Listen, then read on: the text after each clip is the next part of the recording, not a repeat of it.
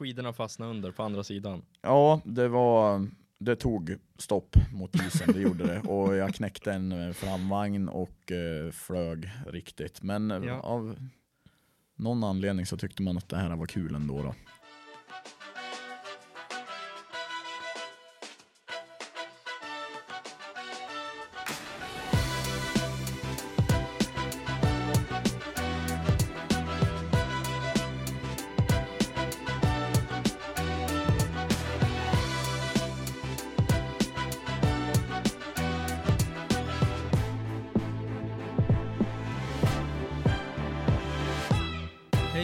Välkommen till avsnitt nummer 6 av Snöskoterpodden.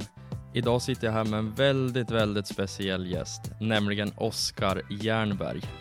Oskar kör otroligt mycket snöskoter. Han kör tävlingar med sin skoter, han gör extrema ombyggnationer. Allt för att skotern ska gå så bra som möjligt på vatten.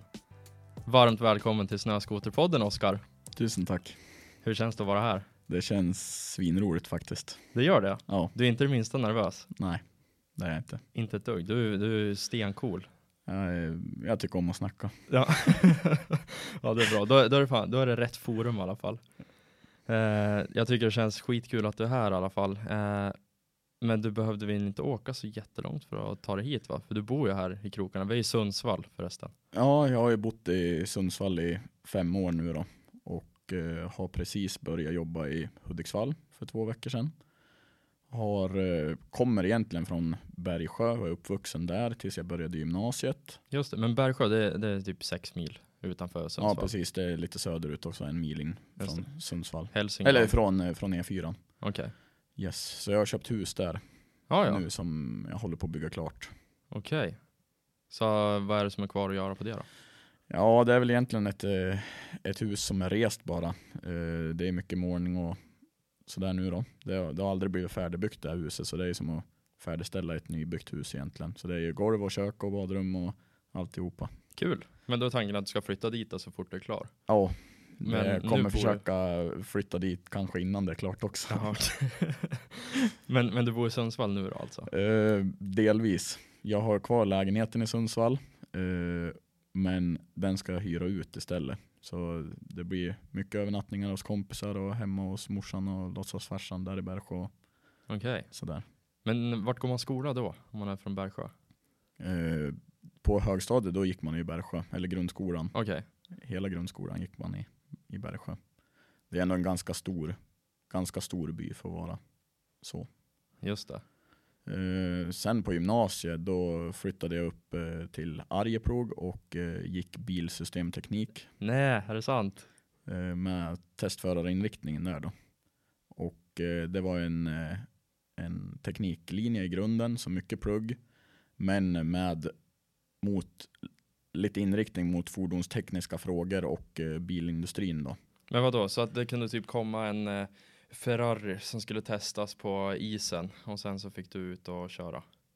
Eh, I skolan? Vi, ja, absolut. Eh, vi körde inte jättemycket. Vi hade, det var mest vid praktik och eh, vid några speciella övningar som var liksom arrangerat då i samverkan mellan testindustrin och skolan. Då. Det var testverksamheten där uppe som efterfrågade den här utbildningen och därför fanns skolan också. Jaha, fan vad coolt. Så då bodde du där uppe i tre år då? Ja, bodde där i tre år och hade ja, absolut bland de tre roligaste åren i mitt liv i alla fall.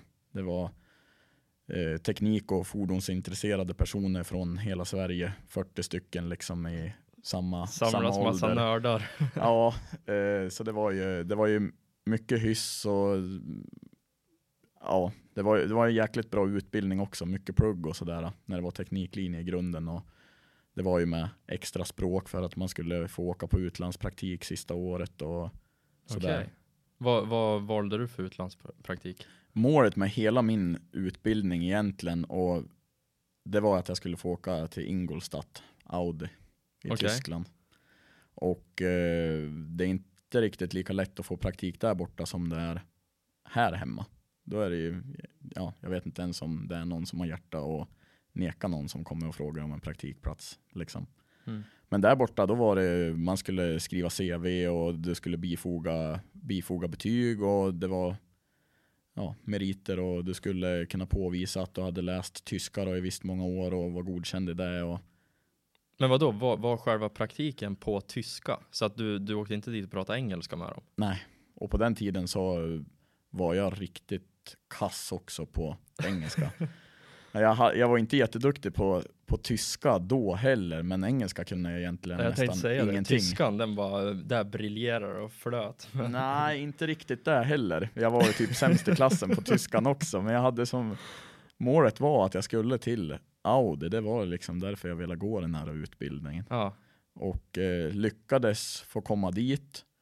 Eh, första veckan var ju jäkligt tuff, för tyskarna, många är ju inte jätteduktiga på engelska. nej de är ju raka motsatsen. De vill Ja. ju inte ens prata engelska. Nej, lite grann så. Eh, alltså din och min generation är väl lite bättre så. De, Mm. de börjar ju bli bättre. Ja, nej men i Tyskland, du kan ju inte, du kan inte stanna någon på gatan och fråga efter vägen på engelska. Nej, inte riktigt. Det, Så det vart egentligen naturligt att, jag, att det var jag som skulle föra språket på tyska då, så att Ja. säga. Och eh, första veckan var ju, det var ju jättetufft så. Då funderar man ju vad man hade gett sig in på. Men det släppte mer och mer. Så egentligen efter den här första veckan så gick det riktigt bra. Tyskan Okej. är ju på många vis ganska lik svenskan. Det man, det man behövde bestämma sig för det var att man inte skulle försöka prata grammatiskt rätt. För grammatiken i tyskan är väldigt svår. mm. nej, det är bättre att bara försöka få fram det man tänker och det man Ja, men vill egentligen- få fram. Många gånger så var det att man bara skulle få fram ett ord överhuvudtaget. Sen om inte ordet var rätt, bara att du hade en hel mening så kunde de läsa av lite grann vad du vela. Ja. Så det, det spelade i... Ja. Men vad fick du göra då, då på praktikplatsen? Eh, första veckan då var jag i en Audi-klass med jämnåriga elever. Audi har egna, egna utbildningar. Och eh, lärde känna framförallt en grabb där eh, som jag har kontakt med idag också. Felix Huber heter han. Mhm. Vi, har, vi har träffats ja, nästan tio gånger efter. Han har varit hit flera gånger. Jag har varit till han i Tyskland. Vi har rest till London tillsammans. Och han började i alla fall att dra med mig ut på deras privata aktiviteter på kvällarna. Så skulle de ha grillfest eller Fifa-kväll eller sådär så drog han med mig. Han tyckte att jag liksom skulle Ja, vara med dem. kul. Så det gjorde egentligen min praktikupplevelse där otroligt rolig. Mm. Eh, Men sen efter den här första veckan så var jag på Audis prototypavdelning. Var där två veckor. Och där hade jag stora språkproblem egentligen för att jag jobbade med två äldre herrar och då pratade de bayerska. Alltså det är ju en tysk dialekt. Och äldre personer i Tyskland, många, de lär sig inte ens den här flata tyskan, Hochdeutsch. Okej. Så de hade ju jätteproblem de också eftersom att de inte ens kunde prata det här och jag pratar dålig Hochdeutsch Ah. på det. Svårt att förstå. Men det vart ju, det vart, de var ju superroliga så bara att de försökte, jag försökte så var det ju hela situationen vart ju jätterolig. Ja. Men prot prototypavdelningen, Mm. eh, vad, vad gör man då? Fick du liksom se, vilket år var det här? Det här måste ha varit, eh, Eh, typ, 2012, det måste ha varit sex år sedan typ. ja, Ja. 2012 var det. Just det. Ja, men eh, då, vad, vad liksom såg du för bilar 2012? Vad har kommit för bilar nu? Fick Eh, du jag- se jag nya var- elbilen till exempel som har kommit typ i år? Nej. Eh, bland annat en grej som jag kommer ihåg, det var att vi vart liksom kallad till ett möte där då i en jättestor sal. Då släppte de A1 Quattron. Och det var ju sekretess då liksom, det var ju ingenting som vi fick berätta eller någonting, Nej. men de hade avteckning av A1 Quattron i alla fall. Ja, coolt. Ja men det är liksom eh, inte så jättetuff bil så egentligen, Nej, men men, bara hela att få vara med på det där och Ja men satan, fan vad coolt. Ja. Och då, jag var ju där då på prototypavdelningen, Audi Service Center kallades det för då, i två veckor. Men den här Felix fortsatte att ha med mig på kvällarna, ringde till mig, plockade upp mig och liksom såg till att jag inte behövde vara själv på kvällarna. Och så hade jag med mig en, en annan kompis som jag gick i skolan med också då från, eh, ja, som jag gick med i Arjeplog. Men eh, det var mest jag som följde med ut på grejerna som de hittade på. Ja, då fick du en ganska rolig tid där nere då. det, var, det var otroligt roligt. Och innan jag åkte dit så var jag väldigt nervös. Ja, skräckslagen skulle jag vara. Ja, hade inte rest så jättemycket och eh, framförallt med de här språksvårigheterna som jag hade då. då. Ja. Men eh, då, hur länge, hur länge var du där nere? En månad. En månad, okej. Vad gjorde du när du kom tillbaka då? Eh, då hade jag egentligen bara studenten kvar. Ja, Jag hade ju jobbat jättemycket den vintern, eller egentligen hela sista året på gymnasiet hade jag jobbat jättemycket. Och eh, ja, jag började, började med att tjata till mig ett jobb eh, som servitör på ett fint hotell där. mhm. Han knappt börja som servitör innan det var en eh, man där som ägde en, ett banprepareringsföretag. Okej. Och då tyckte han att jag liksom jobbade på bra och sådär. Alltså han, han gav mig jobb och började ploga testbanor. Han frågade om jag hade, hade traktorkort för att han tyckte att jag jobbade på bra som servitör, även om jag kanske inte var svinbra på det. Det var en ganska udda grej. Du jobbar på bra som servitör här, kom och kör traktor. Det var mycket så i Arjeplog. Det finns hur mycket jobb som helst. Ja. Alltså typ oändligt med jobb. Och jag jobbade väldigt mycket med olika grejer också. Mm. preparerade testbanor på förmiddagarna på, på helgerna då, samtidigt som jag gick i skolan. Eh, sen var jag i Snördom, tog en snabbdusch, åkte upp på hotellet, serverade öl i spaet. Sen eh, körde jag eh, ja, men barback, eh, plockade in glas och sånt där då på natten på nattklubben. Ja. Och så hem, sov någon timme, upp, preparera testbanor. Ja. Så där höll jag på i några månader. Hade jour då för plogning på nätterna av testbanor. Då gick man oftast ut någon gång där, kanske vid mitt i natten, åkte hem, bytte om, åkte direkt till skolan, sov i skolan. och så sen jour på värmeverket. Fick skotta flis då mitt i nätterna om, det, om grejerna pajade. Du är fan en hardworking man, redan från grunden, Mm. redan från när du gick i skolan då. Ja, man, man hade ju någon ambition att, jag hade ju liksom lyckats köpa någon skoter och sådär, men jag hade ju nästan inte råd att köra skoter. Mm. Så då hade man ju någon ambition att man ville liksom börja och Ja, köra. det var där uppe du kom in på skoteråkningen. Jag hade ju kört lite skoter hemma, och gammelskotrar och sånt där, men Ja. då köpte jag liksom min, min första egna skoter. Vad var det för någon? Det var en eh, Polaris XC 799. Riktig värsting. Mm. Fint. Men den sålde jag ganska fort. Eh, och så sen köpte jag en Articat ZL 600, en 99 som jag började modifiera och byggde väl om egentligen det mesta på. Mhm. Och den började jag sen att köra lite grann på vattnet med också. Okej, ja för det, det är faktiskt det vi ska komma in på. För du håller ju Mm. på med en ganska udda sport idag. Eh, så att nu skulle jag faktiskt vilja att du förklarar, eh, som om du skulle ha förklarat för en treåring. Vad är watercross för något? Watercross i tävlingsform går ju att göra på lite olika vis egentligen. Eh, I grunden är det i alla fall en snitslad bana med flytande bojar. Eh, oftast i Sverige både höger och eh, vänstersvängar. Det är eh, du säger ofta, det, är inte, det måste inte vara det. Nej, inte nödvändigtvis. Så det kan bara vara en cirkel man åker i också. Det kan det också vara. Inte krav på hopp, men i Sverige är det oftast det. Mhm. I, vatten? Ja. Så du hoppar med en snöskoter och landar på vatten? Du kommer och kör i vattnet, kör på ett flytande hopp, eh, hoppar upp emot 30 meter och landar platt i vattnet igen. Låter väldigt hälsosamt. Mm, Ja, det kan ju slita både på, på förare och maskin, det kan man ju säga i alla fall. Jaha. okej. Eh, körs i heatform, oftast tre varv. Eh, tre eller fyra förare per heat, lite grann utefter eh, vad det är för serie eller kupp eller tävling. Eh, alternativspår. Alternativspåret ska köras en gång på valfritt varv. Fan, alltså det låter som att du läser ur en regelbok, men jag måste bara förklara för alla, alla lyssnare nu att han sitter och pratar här helt utan stödord eller någonting. Jag är Du, du är lite- riktigt inbiten. Jag är en riktig watercross-nörd kan man säga. Jag är, ja, är väl involverad och suttit med i det här förarrådet och varit med och utformat lite grann i alla fall. Ja, jag tror att Men- det skiner igenom faktiskt, att du Ja. är ganska inbiten. Ja, det, det är det roligaste jag vet i alla fall. Ja, nej, det, låter, det låter helt eh, sinnessjukt, men jag förstår ju också hur roligt det är. Ja. Men då, då eh, mer då?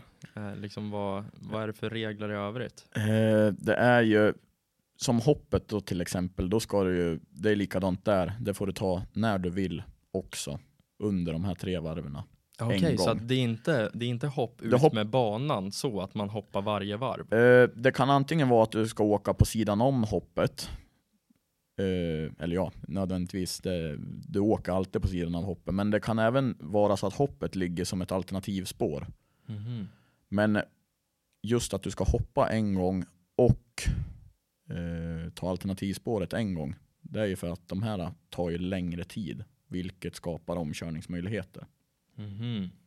Det kan vara lite svårt att köra om. Ligger du bakom en annan skoter så kan vattensprutor från den jämföras med om någon står och spolar med en brandslang på dig. Mm. Ja, jag kan tänka mig det. Så det är ju inte helt lätt att både se vart du ska och faktiskt lyckas navigera maskinen också. Och du ska åka på någon annans svall och det blir både halt och studsigt. Ja, och värt att nämna också, det är att man kör ju med vanliga snöskotrar, så att det är ju ingenting som flyter. Det går ju inte att stanna och fundera vart man ska. Nej, inte riktigt. Eh, Du måste ju hålla en grundfart för att du inte ska sjunka. Men min skoter håller sig på vattenytan om jag håller en fart av eh, minst 16 km i timmen. Och ska du dessutom lyckas köra om en annan person så vill du ju få med dig mer fart än den här personen. Mm. Och ligga så nära som möjligt också. För att när den här personen gör ett misstag så ska du kunna gå om. Mm. Men oftast, oftast så görs ju omkörningar i samband med alternativspåret eller hoppet. Då. Så. Men eh, ja, man startar då tre, fyra stycken i bredd. Sandstart. Eh, är så ett- från en sandstrand då typ? Ja, eller eh, utkrattad sand. Det är med i reglementet att det ska vara sandstart. Både för att det ska vara bra grepp och för att det liksom inte nödvändigtvis ska spruta sten eller sådär. Mm. Bli kladdigt. Alltså om, Ja, om just det, det, blir då blött. spelar det ingen roll om det regnar liksom. Nej, den suger ju upp liksom. Gentemot att du ska ha en, en lerig gräsmatta som du startar på. Mm. Nej, det är inte optimalt. Nej, inte något hänseende egentligen. eh, och så sen så kör du då. Eh, händer med jämna mellanrum att det är startkrascher. Eh, har kommit lite grann nu, eller det har funnits i reglementet innan också, att man ska hålla startspåren visst länge. Och nu kommer det väl märkas ut också med bojar innan du får gå in på någon annans spår. Okej. Ja men för nu, det här, det här är ju inte en liten hobbysport längre, utan nu har det här, watercross har ju till och med tagits upp av Svemo. Jag Svemo har accepterat watercrossen som en, en sport nu då, motorsport. Och det är, det är mångas förtjänst och det har pågått under ganska många år tävlingar under seriösa former. Och eh, det finns potential att bli ännu seriösare och ännu bättre, bättre kvalitet på framförallt tävlingarna. Då. Mm. Förarna och maskinerna håller otroligt hög klass. Väldigt, väldigt, väldigt hög klass. Eh, och eh, arrangörerna har börjat bli riktigt bra också. Men det har varit varierad kvalitet förut på olika tävlingar. Mm. Lite hobbyverksamhet. så. Lite grann så. Och det är ju bra också. Så. Men om man säger typ högsta serien då, då ska det ju vara riktigt bra.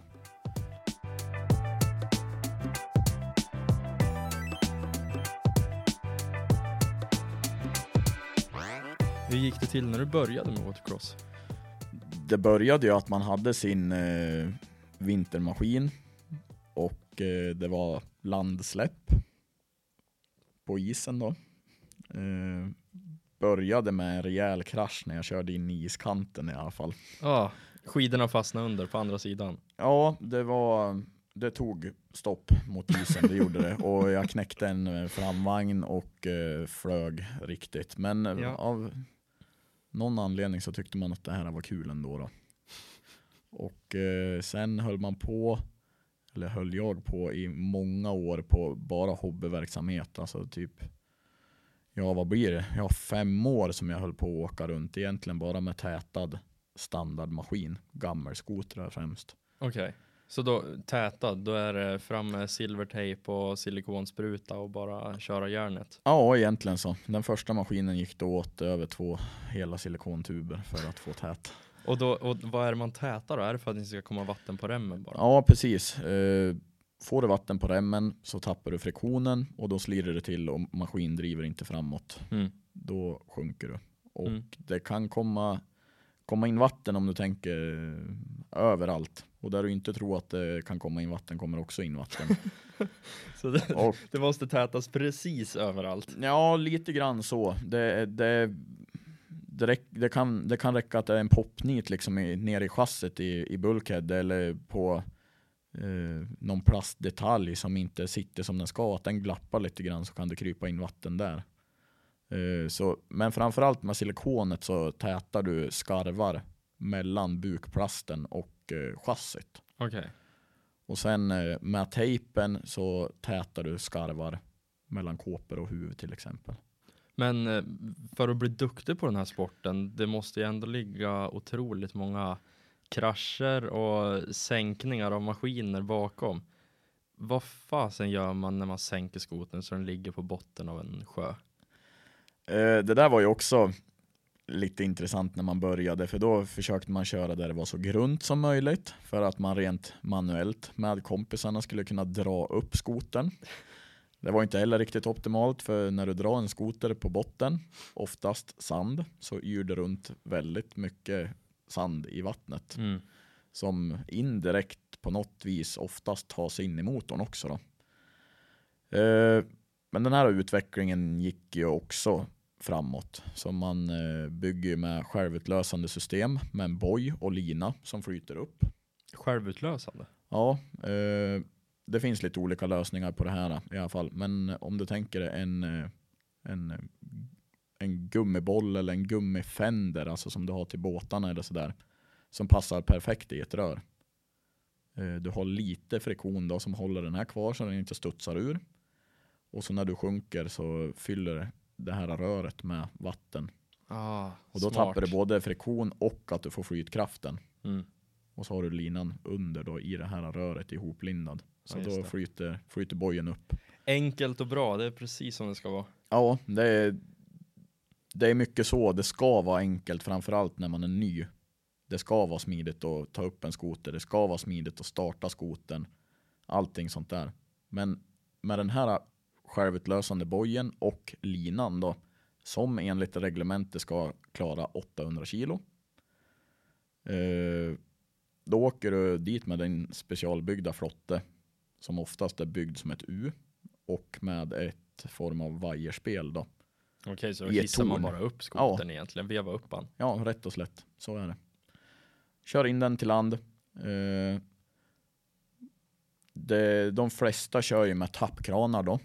Två stycken kranar direkt på botten på motorn på vevhusen. Jaha, så man borrar hål i motorn Ja. när man ska bygga en vattenmaskin. Borra hål i motorn, sätta en liten tappkran. Ja, det är väldigt fördelaktigt. Ja. Det är inte ett måste. Inte ett måste, men det både sliter mer på maskin om du ska rycka ur eh, tändstifterna och rent manuellt dra hundra gånger. Jag, tänkte, jag, Typ. jag skrev det faktiskt som nästa fråga. Hur får man igång skoten efter att man har sänkt den och hur lång tid tar det innan den är körbar igen? Ja, eh, har du ett bra system som fungerar som det ska, förslagsvis med tappkranar då, direkt på motorn, eh, då tappar du ur vattnet som står i motorn. Eh, sen ska du ha en backventil på tanken så att det inte kan komma ut eh, bensin i vattnet.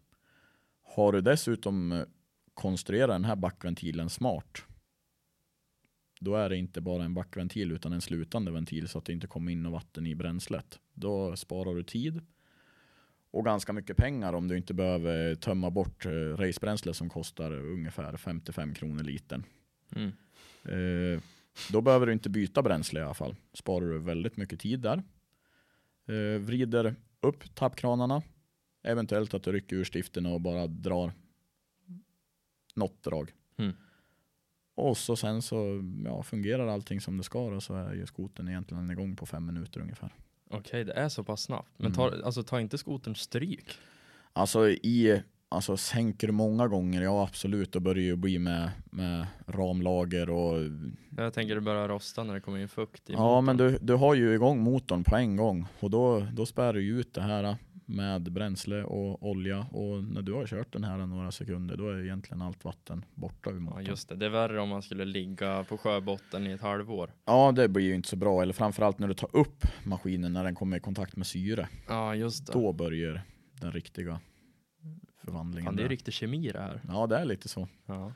Det, det, Men det är coolt. Men alltså be behövs det, behövs det liksom en, en riktig specialbyggd flotte för att man ska våga sig ut på vatten med en snöskoter? alltså då är ju egentligen rekommendationen om du inte har tillgång till en flotte Ja, eh, så kör där det är grunt. Där folk når till om de vadar ut och ska hjälpa dig. Börja på en lång sandstrand till exempel där det är långgrunt. Mm. Håll det nära land och ju säkrare du känner dig så kan du börja sväva ut. Börja inte med att du ska åka ut och köra ringar på vattnet eller sådär. ja det låter jättedumt att börja Ja. med det. Nej men börja bara åk rakt fram. Eh, det många gör fel är att de eh, många gånger åker för snabbt. Att de kommer ut med full gas på vattnet. Du kan åka med jämn gas efter sandstranden, åka ut på vattnet. Och eh, när du liksom har planat ut och du känner att du har kontroll, då kan du börja pumpgasa lite grann. Känner du hur maskin reser skidorna och så sen så kan du göra lite lätta svängar bara. Egentligen så. Se till att eh, skoten inte tar in något vatten. Du kan eh, antingen ställa dig i garaget en kväll när det är jättemörkt. Lysa med en ficklampa utifrån. Kolla in i motorutrymme. Ser du ljus springa någonstans, då ska du fram med silikonsprutan. Mm. Alternativt att du står och spolar med vattenslangen ute på gården. Du plockar bort eh, kåporna och sådär. Kryper in vattendroppar någonstans, då vet du att du måste, måste täta. Men det är egentligen ett ganska bra första steg då om man skulle vilja komma igång ganska billigt Ja. med den här sporten. Bara fram med silikonspruta och tejp och kör järnet Ja, egentligen. Det Där finns är- ingen nackdel med att göra för mycket. Nej, inte nödvändigtvis. Ja, börjar du tejpa för mycket eh, så kan du ju bygga värme då. Du ska ju försöka ha så mycket eh, luft som kan förflytta sig Mm. som möjligt. Så bakåt kan du försöka öppna upp lite grann om du har möjlighet och kan tänka dig att kapa lite kåpor och sånt där. Ja, just det. Eh, Alternativt att du plockar bort originaltanken, sätter dit en annan tank då till exempel en mindre så att du får ett stort hål bakåt där så att det kan krypa ut lite, lite värme. Okej. Och en sak till att tänka på när man ska börja täta med silikon det är ju att du ska ju helst ut med bogey, drivaxel, täta runt kylare, täta runt nitar. Och det här ska du ju också liksom hålla koll på då. Verkligen överallt. Ja, Men i övrigt då, förutom det, förutom att täta, då kan man egentligen åka med en, med en originalmaskin. Du Ja. behöver inte byta framvagn eller skidor eller matta eller, nej. Inte, ja, beroende på vad man har för skoter då såklart. nej men egentligen stort sett alla moderna skotrar kan du åka ut med. Vad klassas som modern då? Från 2000-talet? Ja, egentligen.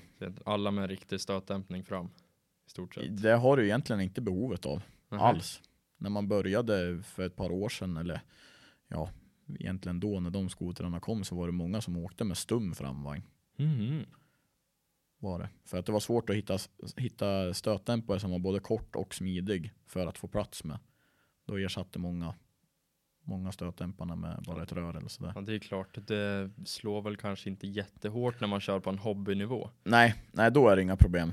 Men sen när du börjar eh, hoppa och köra fullgaskurvor i vågor som är en meter hög och sådär, Ja, då, då då, är det fördelaktigt att ha lite dämpare.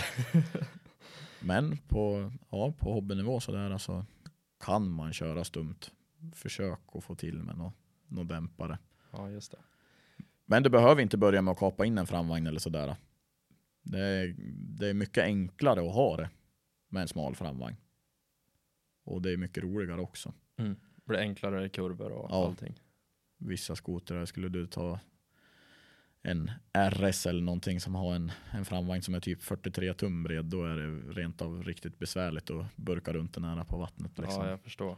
förstår. Men har du en lösnämmaskin med till exempel en 36as framvagn, det går jättebra att köra med. Hmm. Och det är intressant. Man blir peppad när man hör när Mm. du pratar om det här. Det vore ju jävligt roligt. Men jag vet inte, jag tror jag är lite för feg. Är det så? Ja, jag tror fan det. Ja. Jag, jag är rädd om maskinen, jag är rädd om grejerna. Ja, men du får ju prova min maskin då. Ja, jag får göra det. Det är perfekt. Nu säger vi det till alla poddlyssnare också, att är det någon som vill prova vattencross, är det bara fara till Bergsjö och låna en maskin. Ja, precis. Kommer 2000 pers Ja. till sommar. ja, jag kommer få fokusera på det. Jag skiter i att tävla och bara, bara ska lära upp eh, en ny St- starta en generation watercrossare. Starta en vattencross-skola. Ja. Ja, det är perfekt. Men du, eh, vad åker du för maskin själv? Eh, Den här säsongen så blir det två stycken 2017s Pro RMK 155 er Och två stycken, då är det en tävlings och en träningsmaskin. Eh, inte nödvändigtvis. Eh, den ena av de här maskinerna ska över till USA där jag ska tävla. Jaha, Och, vad, vadå, ska du köra en serie i USA? eh, tanken är att jag ska köra två tävlingar där borta. Eh, en tävling i vardera största serie som finns där i USA. Då. Jag var över i höstas och körde också och då körde jag den ena serien som heter EVA-serien, EWA. Mhm. Och den ligger på östkusten. Okej, men är det, är det hårdare konkurrens i USA eller vad är anledningen till att man åker dit?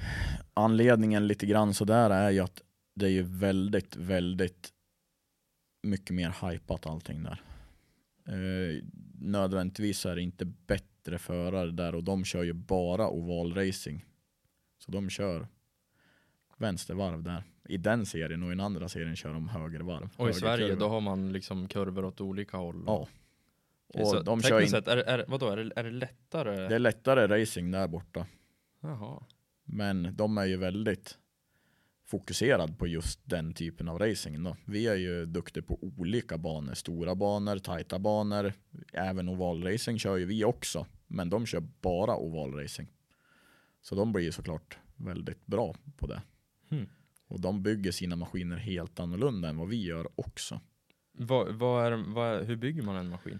Liksom en, proffsmaskin, för du är, ju, du är ju proffs, du kör ju liksom i de bästa serierna i Sverige. Ja, Eh, liksom, jag, hur bygger jag man kan en väl inte riktigt kalla mig proffs än, även om jag så småningom skulle vilja göra Nej, det. du, du lever ju inte på det. det Nej, nej, och jag är inte, än så länge har jag inte bevisat heller i Sverige att jag är i toppen. Ambitionen är att kunna visa det. För känslan är att man ska kunna göra det i alla Det är fall. klart.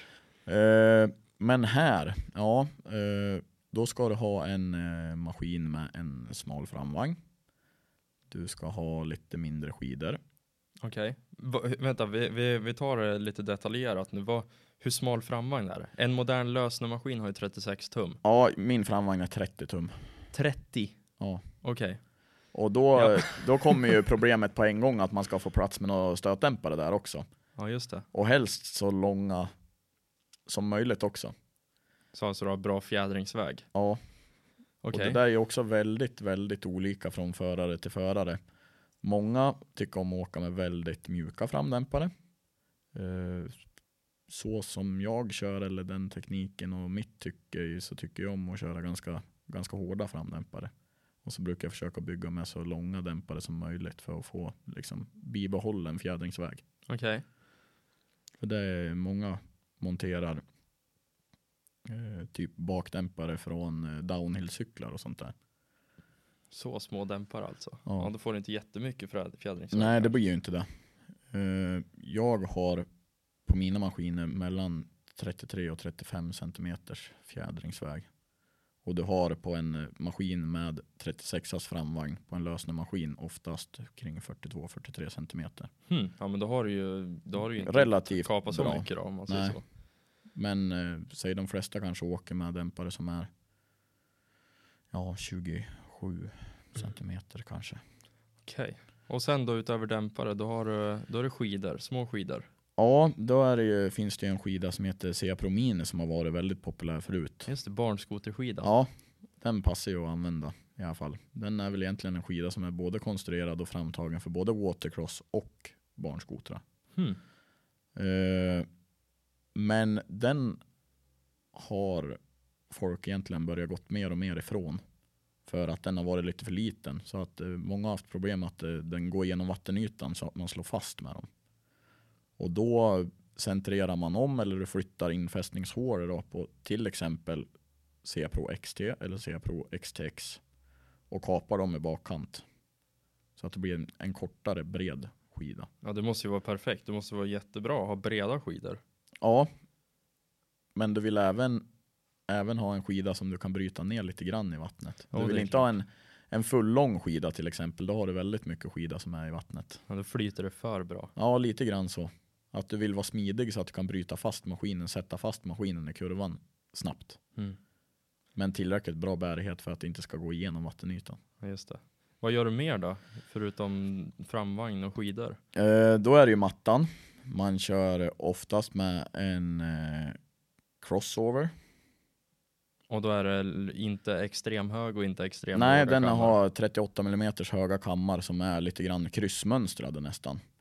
Och eh, då är det, de här är egentligen till, ja, om du tänker en hybridskoter som Typ körs. en Lynx, Lynx Extreme eller Ja, annat sånt lite grann åt det hållet. Ja. Eh, och då, fin- då passar ju egentligen inte mattornas längd på befintliga moderna maskiner som används vid bygge.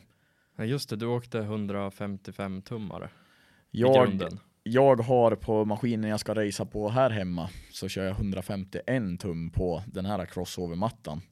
Så då måste man köra med kortad 155 bogey då. Så det är lite besvärligt. Mm. Maskinen jag ska skicka över till USA den är 144 tum lång. Så där är det lite tajtare banor och eh, då vill man ha lite kortare maskin. Då blir den lite smidigare att bryta ner och sådär. Vill inte lika mycket framåt. Hmm.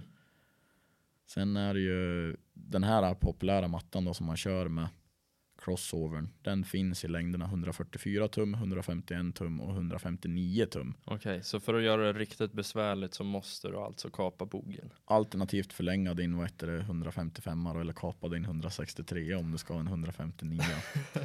Okej, nu, är, nu är vi inne på extrem detaljnivå om man tänker att eh, liksom, nu, nu pratar vi om att vinna racet. Nu är det liksom in på detaljnivå.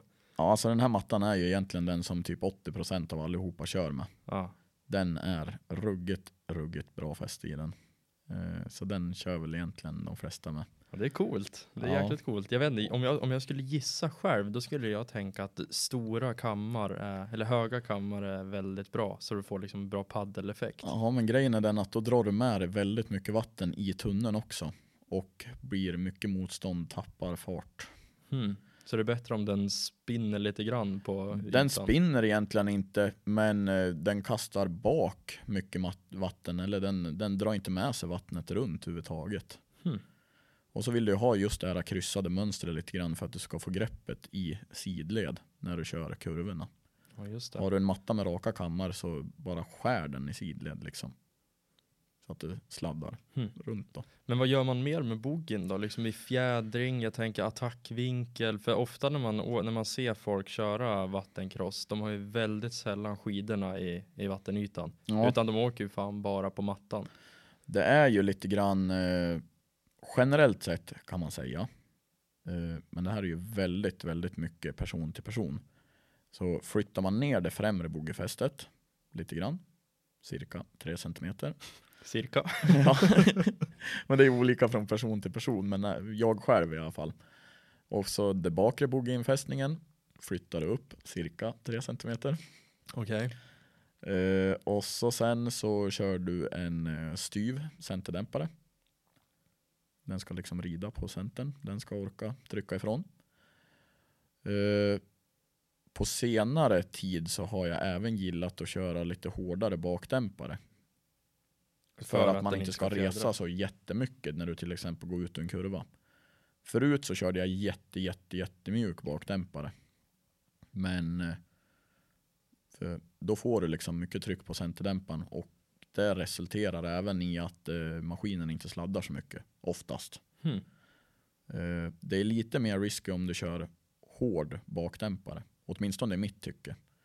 Men eh, ja, det har fungerat bra nu. Men rekommendationen till en ny person är att du ska börja med att köra lite extra attackvinkel, eh, en hård center och ja, ganska mjuk bakdämpare för Mm. att du ska få upp skidorna. Då blir den lättare att svänga med och du får bra grepp i vattnet så att du inte sladdar omkull. Okej.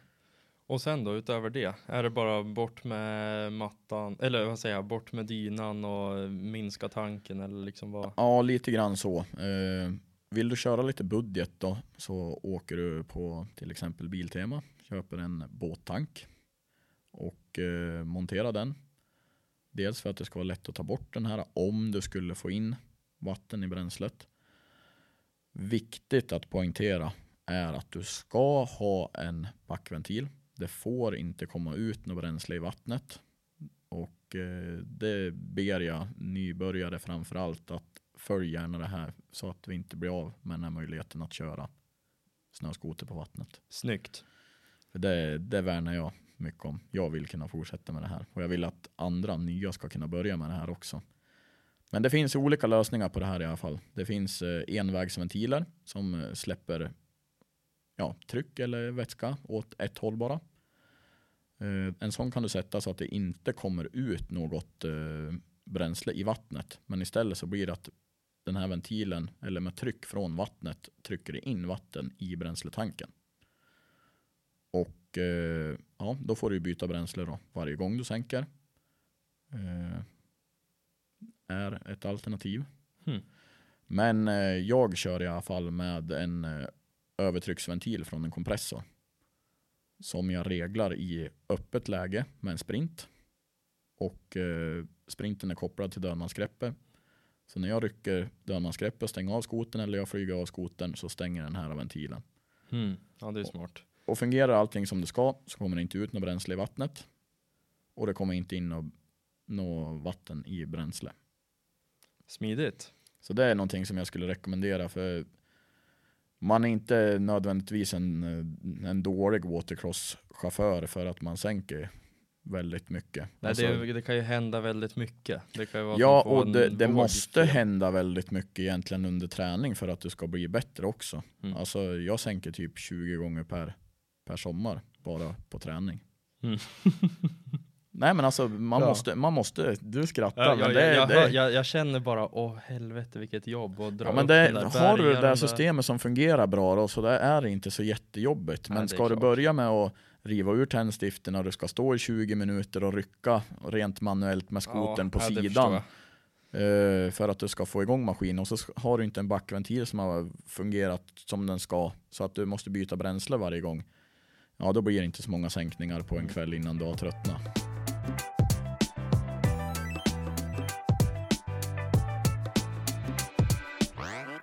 Men ni var ju till USA en sväng också. Kan du inte berätta lite grann om det äventyret? jag och min mycket goda kompis eh, Jocke Olsen från Norge som jag hänger tillsammans med mycket på somrarna. Eh, jag har väldigt bra hjälp av Jockes familj. Vi vart kontaktade av eh, en Dave Martin från en amerikan då.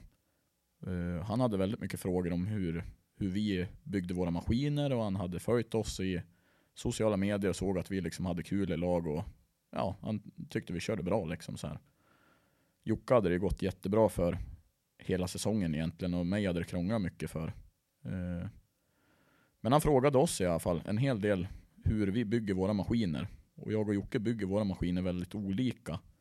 Men eh, ja, vi beslutade i alla fall att eh, vi skulle ge dem, eller han då, spesarna på hur vi hade byggt våra maskiner.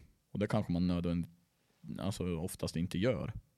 Eftersom att man har ju lagt ner mycket tid och Ja, man vill väl inte dela med sig av sitt framgångsrecept? Nej, inte riktigt. Men vi tänkte där och liksom att ja, men det här är ju personer som inte vi kommer möta och sådär. Alltså, ja, men varför inte? De bygger ju maskinerna väldigt annorlunda mot för vad vi normalt gör här i Sverige. Och de hade fått upp ögonen för, för skandinavisk racing och eh, för oss då. Så då tänkte vi, ja men vi, vi hjälper dem lite på traven. Vill de bygga skandinaviska maskiner så bygg en, en kopia på våra egentligen då. Åtminstone chassimässigt. Coolt. Och eh, när de hade som slutfört de här maskinerna mer eller mindre så fick vi även frågan eh, om vi ville komma över och köra världens största watercross-tävling, Race into Winter, i Fremont på de här maskinerna. Och eh, då ringde jag Jocke jäkligt snabbt och så sa jag nu bokar vi biljetter, vi ska till USA och racea. och det gjorde vi faktiskt. Och det gick väldigt bra. Eh, vi körde i proffsklassen där. Eh, modifierade 800-klassen. Pro. Eh, och det var egentligen standardmaskiner som vi körde på. Men som var modifierade mer eller mindre chassimässigt enligt våra spesar vi hade hemma. Eh, så Jocke åkte över en, en halv vecka innan mig. Han är otroligt duktig på variatorer. Så han eh, satte ihop två variatorkit som han utgick ifrån. Åkte över en halv vecka innan mig för jag hade lyckats boka en 25-årsfest för mig där.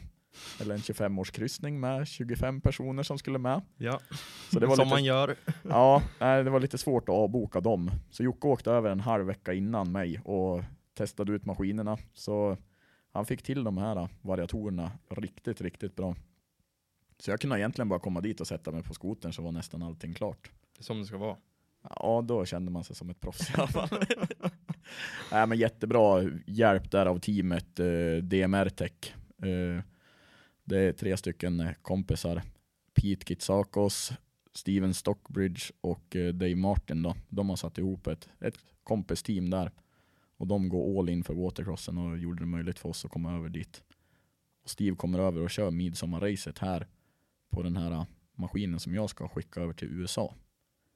Så han ska köra midsommarracet på min, en av mina maskiner. Så nu får jag bjuda tillbaka för jag fick tävla på hans maskin när jag var där. Fasen vad coolt. Alltså det var ju, det var ju en, en otrolig upplevelse. Allting är ju mycket, mycket större där. Det är ju mer påkostat med racetrailar och liksom, ja, en otrolig upplevelse. Vi lyckades ju köra in på, Jocke kom femma och jag kom sjua där i deras högsta, högsta klass då. I den här tävlingen, modifierade klassen med trimmade maskiner och vi på de här två stockmaskinerna. Coolt. Det är fan bra jobbat. Ja, det var kul. De sa innan att vi förtjänar egentligen inte att vara där, för det är en klass där man ska ha kvalat sig in eller lyckas förtjäna att få köra. Så efter mycket tjat från Dave då, så lyckades vi få ett varsitt wildcard. Och då trodde inte racepresidenten att någon av oss skulle vara topp 20. Och eh, han eh, var helt övertygad om att ingen av oss skulle vara topp 12 och få åka final. Men vi var femma och sjua. Och han talade om för oss sen att eh, han behöver inte fundera på att ge oss no wildcard. Nej, jag tänkte säga det. Chi fick han. Så det var, nej, det var kul. Så nu räknar vi med att skicka över en varsin maskin. Coolt. Satsa på högre placeringar då. Och eh, det hade inte varit möjligt det här. Jag startade en sån här sponsor me kallas det. En, en insamling. Eh, där vem som helst kan gå in och donera pengar till dig. Och det här var, det fick ju ett brutalt genomslag kan man ju Mhm. lugnt säga. Det var den, den insamlingen som någonsin hade gått bäst. Så Sponsor Me, hemsidan, gjorde en liten artikel om det där för att det var den Allvarligt? För, för, att du liksom fick för pengar att, till jag, resan? för att jag skulle ha möjligheten att åka över till USA så var det andra team, det var kompisar, det var kompisars kompisar, det var folk som jag inte visste vilka det var. Gick in och donerade pengar för att jag skulle ha möjlighet att åka Men över till shit USA. vad coolt. Hur mycket fick du ihop? Jag och brorsan räknade på det här. Eh, på den här spa- Sponsor Me så fick jag ihop 25 400 bara där. Men sen fick jag kontanter, jag fick swishar, jag fick eh, delar som jag kunde spara pengar nästa säsong. Från ja, privatpersoner, eh, från olika firmor. Det var liksom Ja, det var Men helt, shit. helt otroligt. Totalt värde ungefär 50 000 som jag på något vis fick in pengar eller sparade på att köpa grejer själv. Det är helt otroligt. Ja. Det är så det ska gå till. Helt stört. Alltså jag kan inte tacka alla tillräckligt. Alltså det, det var helt otroligt. Alltså Ja, jag förstår det. Är det här en, är det en dyr sport? det är ska du upp och tävla på hög nivå så är det en eh, sinnessjukt dyr sport. Men hur, hur mycket, eller rättare sagt, hur, många hur mycket tävlar du på ett år? Hur många Cirka, cirka mellan 15 och 20 tävlingar. Okej. Och då, hur många helger åker du, åker du skoter på ett år? Jag åker watercross egentligen eh, varje helg hela sommaren. Nästan. Nu är det sen säsongstart i år. Det är midsommarrace i Sveg. Okej. Det är någon finsk tävling innan som kör igång, men då är det ju liksom då är det så pass långt så jag tror inte att jag ska börja med att Okej. Men så du, du åker, du kör skoter, eh, vattencross hela sommaren, sen åker du även snöskoter på vintern? Ja, jag har ju två stycken småsystrar, Thea och Hilda Arnesson som eh, tävlar skotercross. Eh, Thea har kört på eh, i damklassen då, 15 år. Mm. Har gått väldigt bra. Hilda har kört med grabbarna i klassen 12 till 14, ungdom. Eh, har gått väldigt, väldigt bra för henne också. Och eh, hon har även fått dispens så hon ska gå upp och köra i damklassen nästa säsong. Ja, vad roligt. Så jag, på vintern så coachar jag dem. Och eh, varje helg de inte har race så är jag uppe i fjällen och kör skoter själv. Okej, så d- du lägger tekniskt sett typ all din lediga tid lägger du åt att träna och tävla skoter? Jag är eh, borta hemifrån 45 helger per år. ungefär. 45 av 52. ja. Ja, helt sjukt. Men då kan vi alltså konstatera att det är en ganska dyr sport, både i form av material och en jäkla massa resor. det är det definitivt. Eh, Och i Norrland så är det ju inte överdrivet nära mellan alla tävlingar. Nej, vi Eller- kör ju egentligen eh, watercrossen då. Kör vi ju från Mora, Venjan, Rättvik i söder. Hela vägen upp till Jokkmokk körde vi. Eh, Kalix har vi kört. Ivalo i norra, norra Finland. Eh, Kautokeino i Norge. Eh, ja, det är mot Ja. Rovaniemi och det Ja, vilka avstånd. Det är Ja, helt det är- sjukt. Så det är, det är många, över 100 mil vad heter det, spann på vad man kör. Ja, det är helt sjukt. Men Helt eh, otroligt. ja, så det, det krävs ju lite ledighet och sådär. Ja, jag förstår det.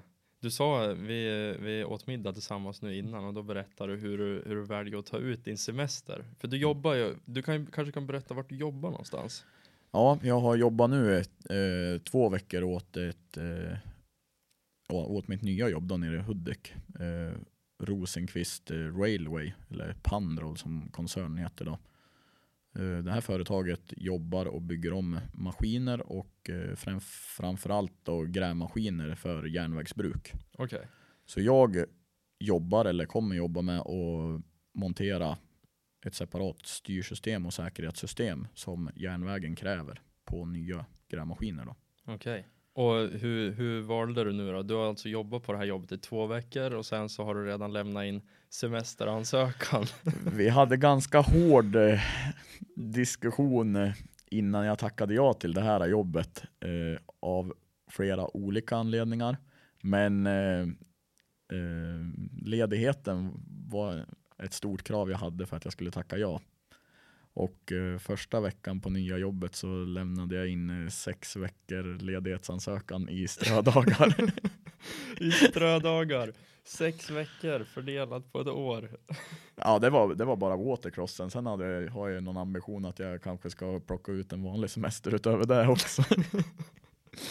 Perfekt. Så då alltså, åker du bort då typ så här torsdag, fredag varje vecka över sommaren? ja, egentligen? det vore ju typ det optimala. Men eh, man, eftersom att det blir tre, fyra veckor i USA nu i höst så måste jag försöka banta bort lite resdagar och sånt där. Alltså, jag har ett gäng jäkligt grymma polare som eh, ställer upp för mig i vått och torrt, kör på nätter med mig Ett och litet hjälper mig. vattencross-skämt där i vått och torrt. Mm, precis.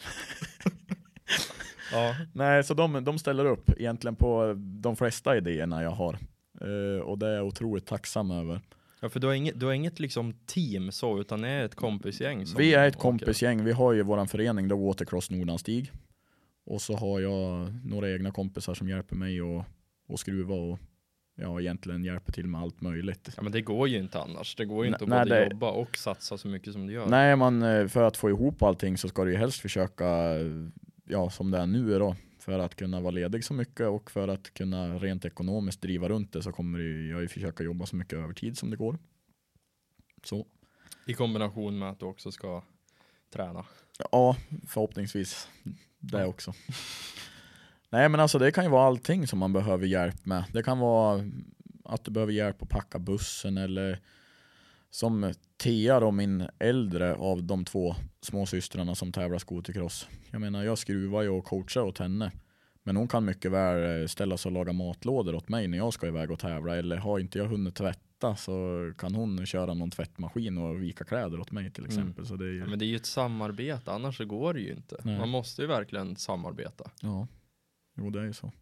Nej, så hon följer med mig, eller ja, även Hilda också är ju, är ju intresserad och kommer nog följa med mer i sommar också och hjälpa till. Så du har de småsys eh, småsystrarna och sen har du kompisarna som du får hjälp av. Ja. Och i övrigt så är det egen tid och egen kraft. Ja, det är ju mycket så.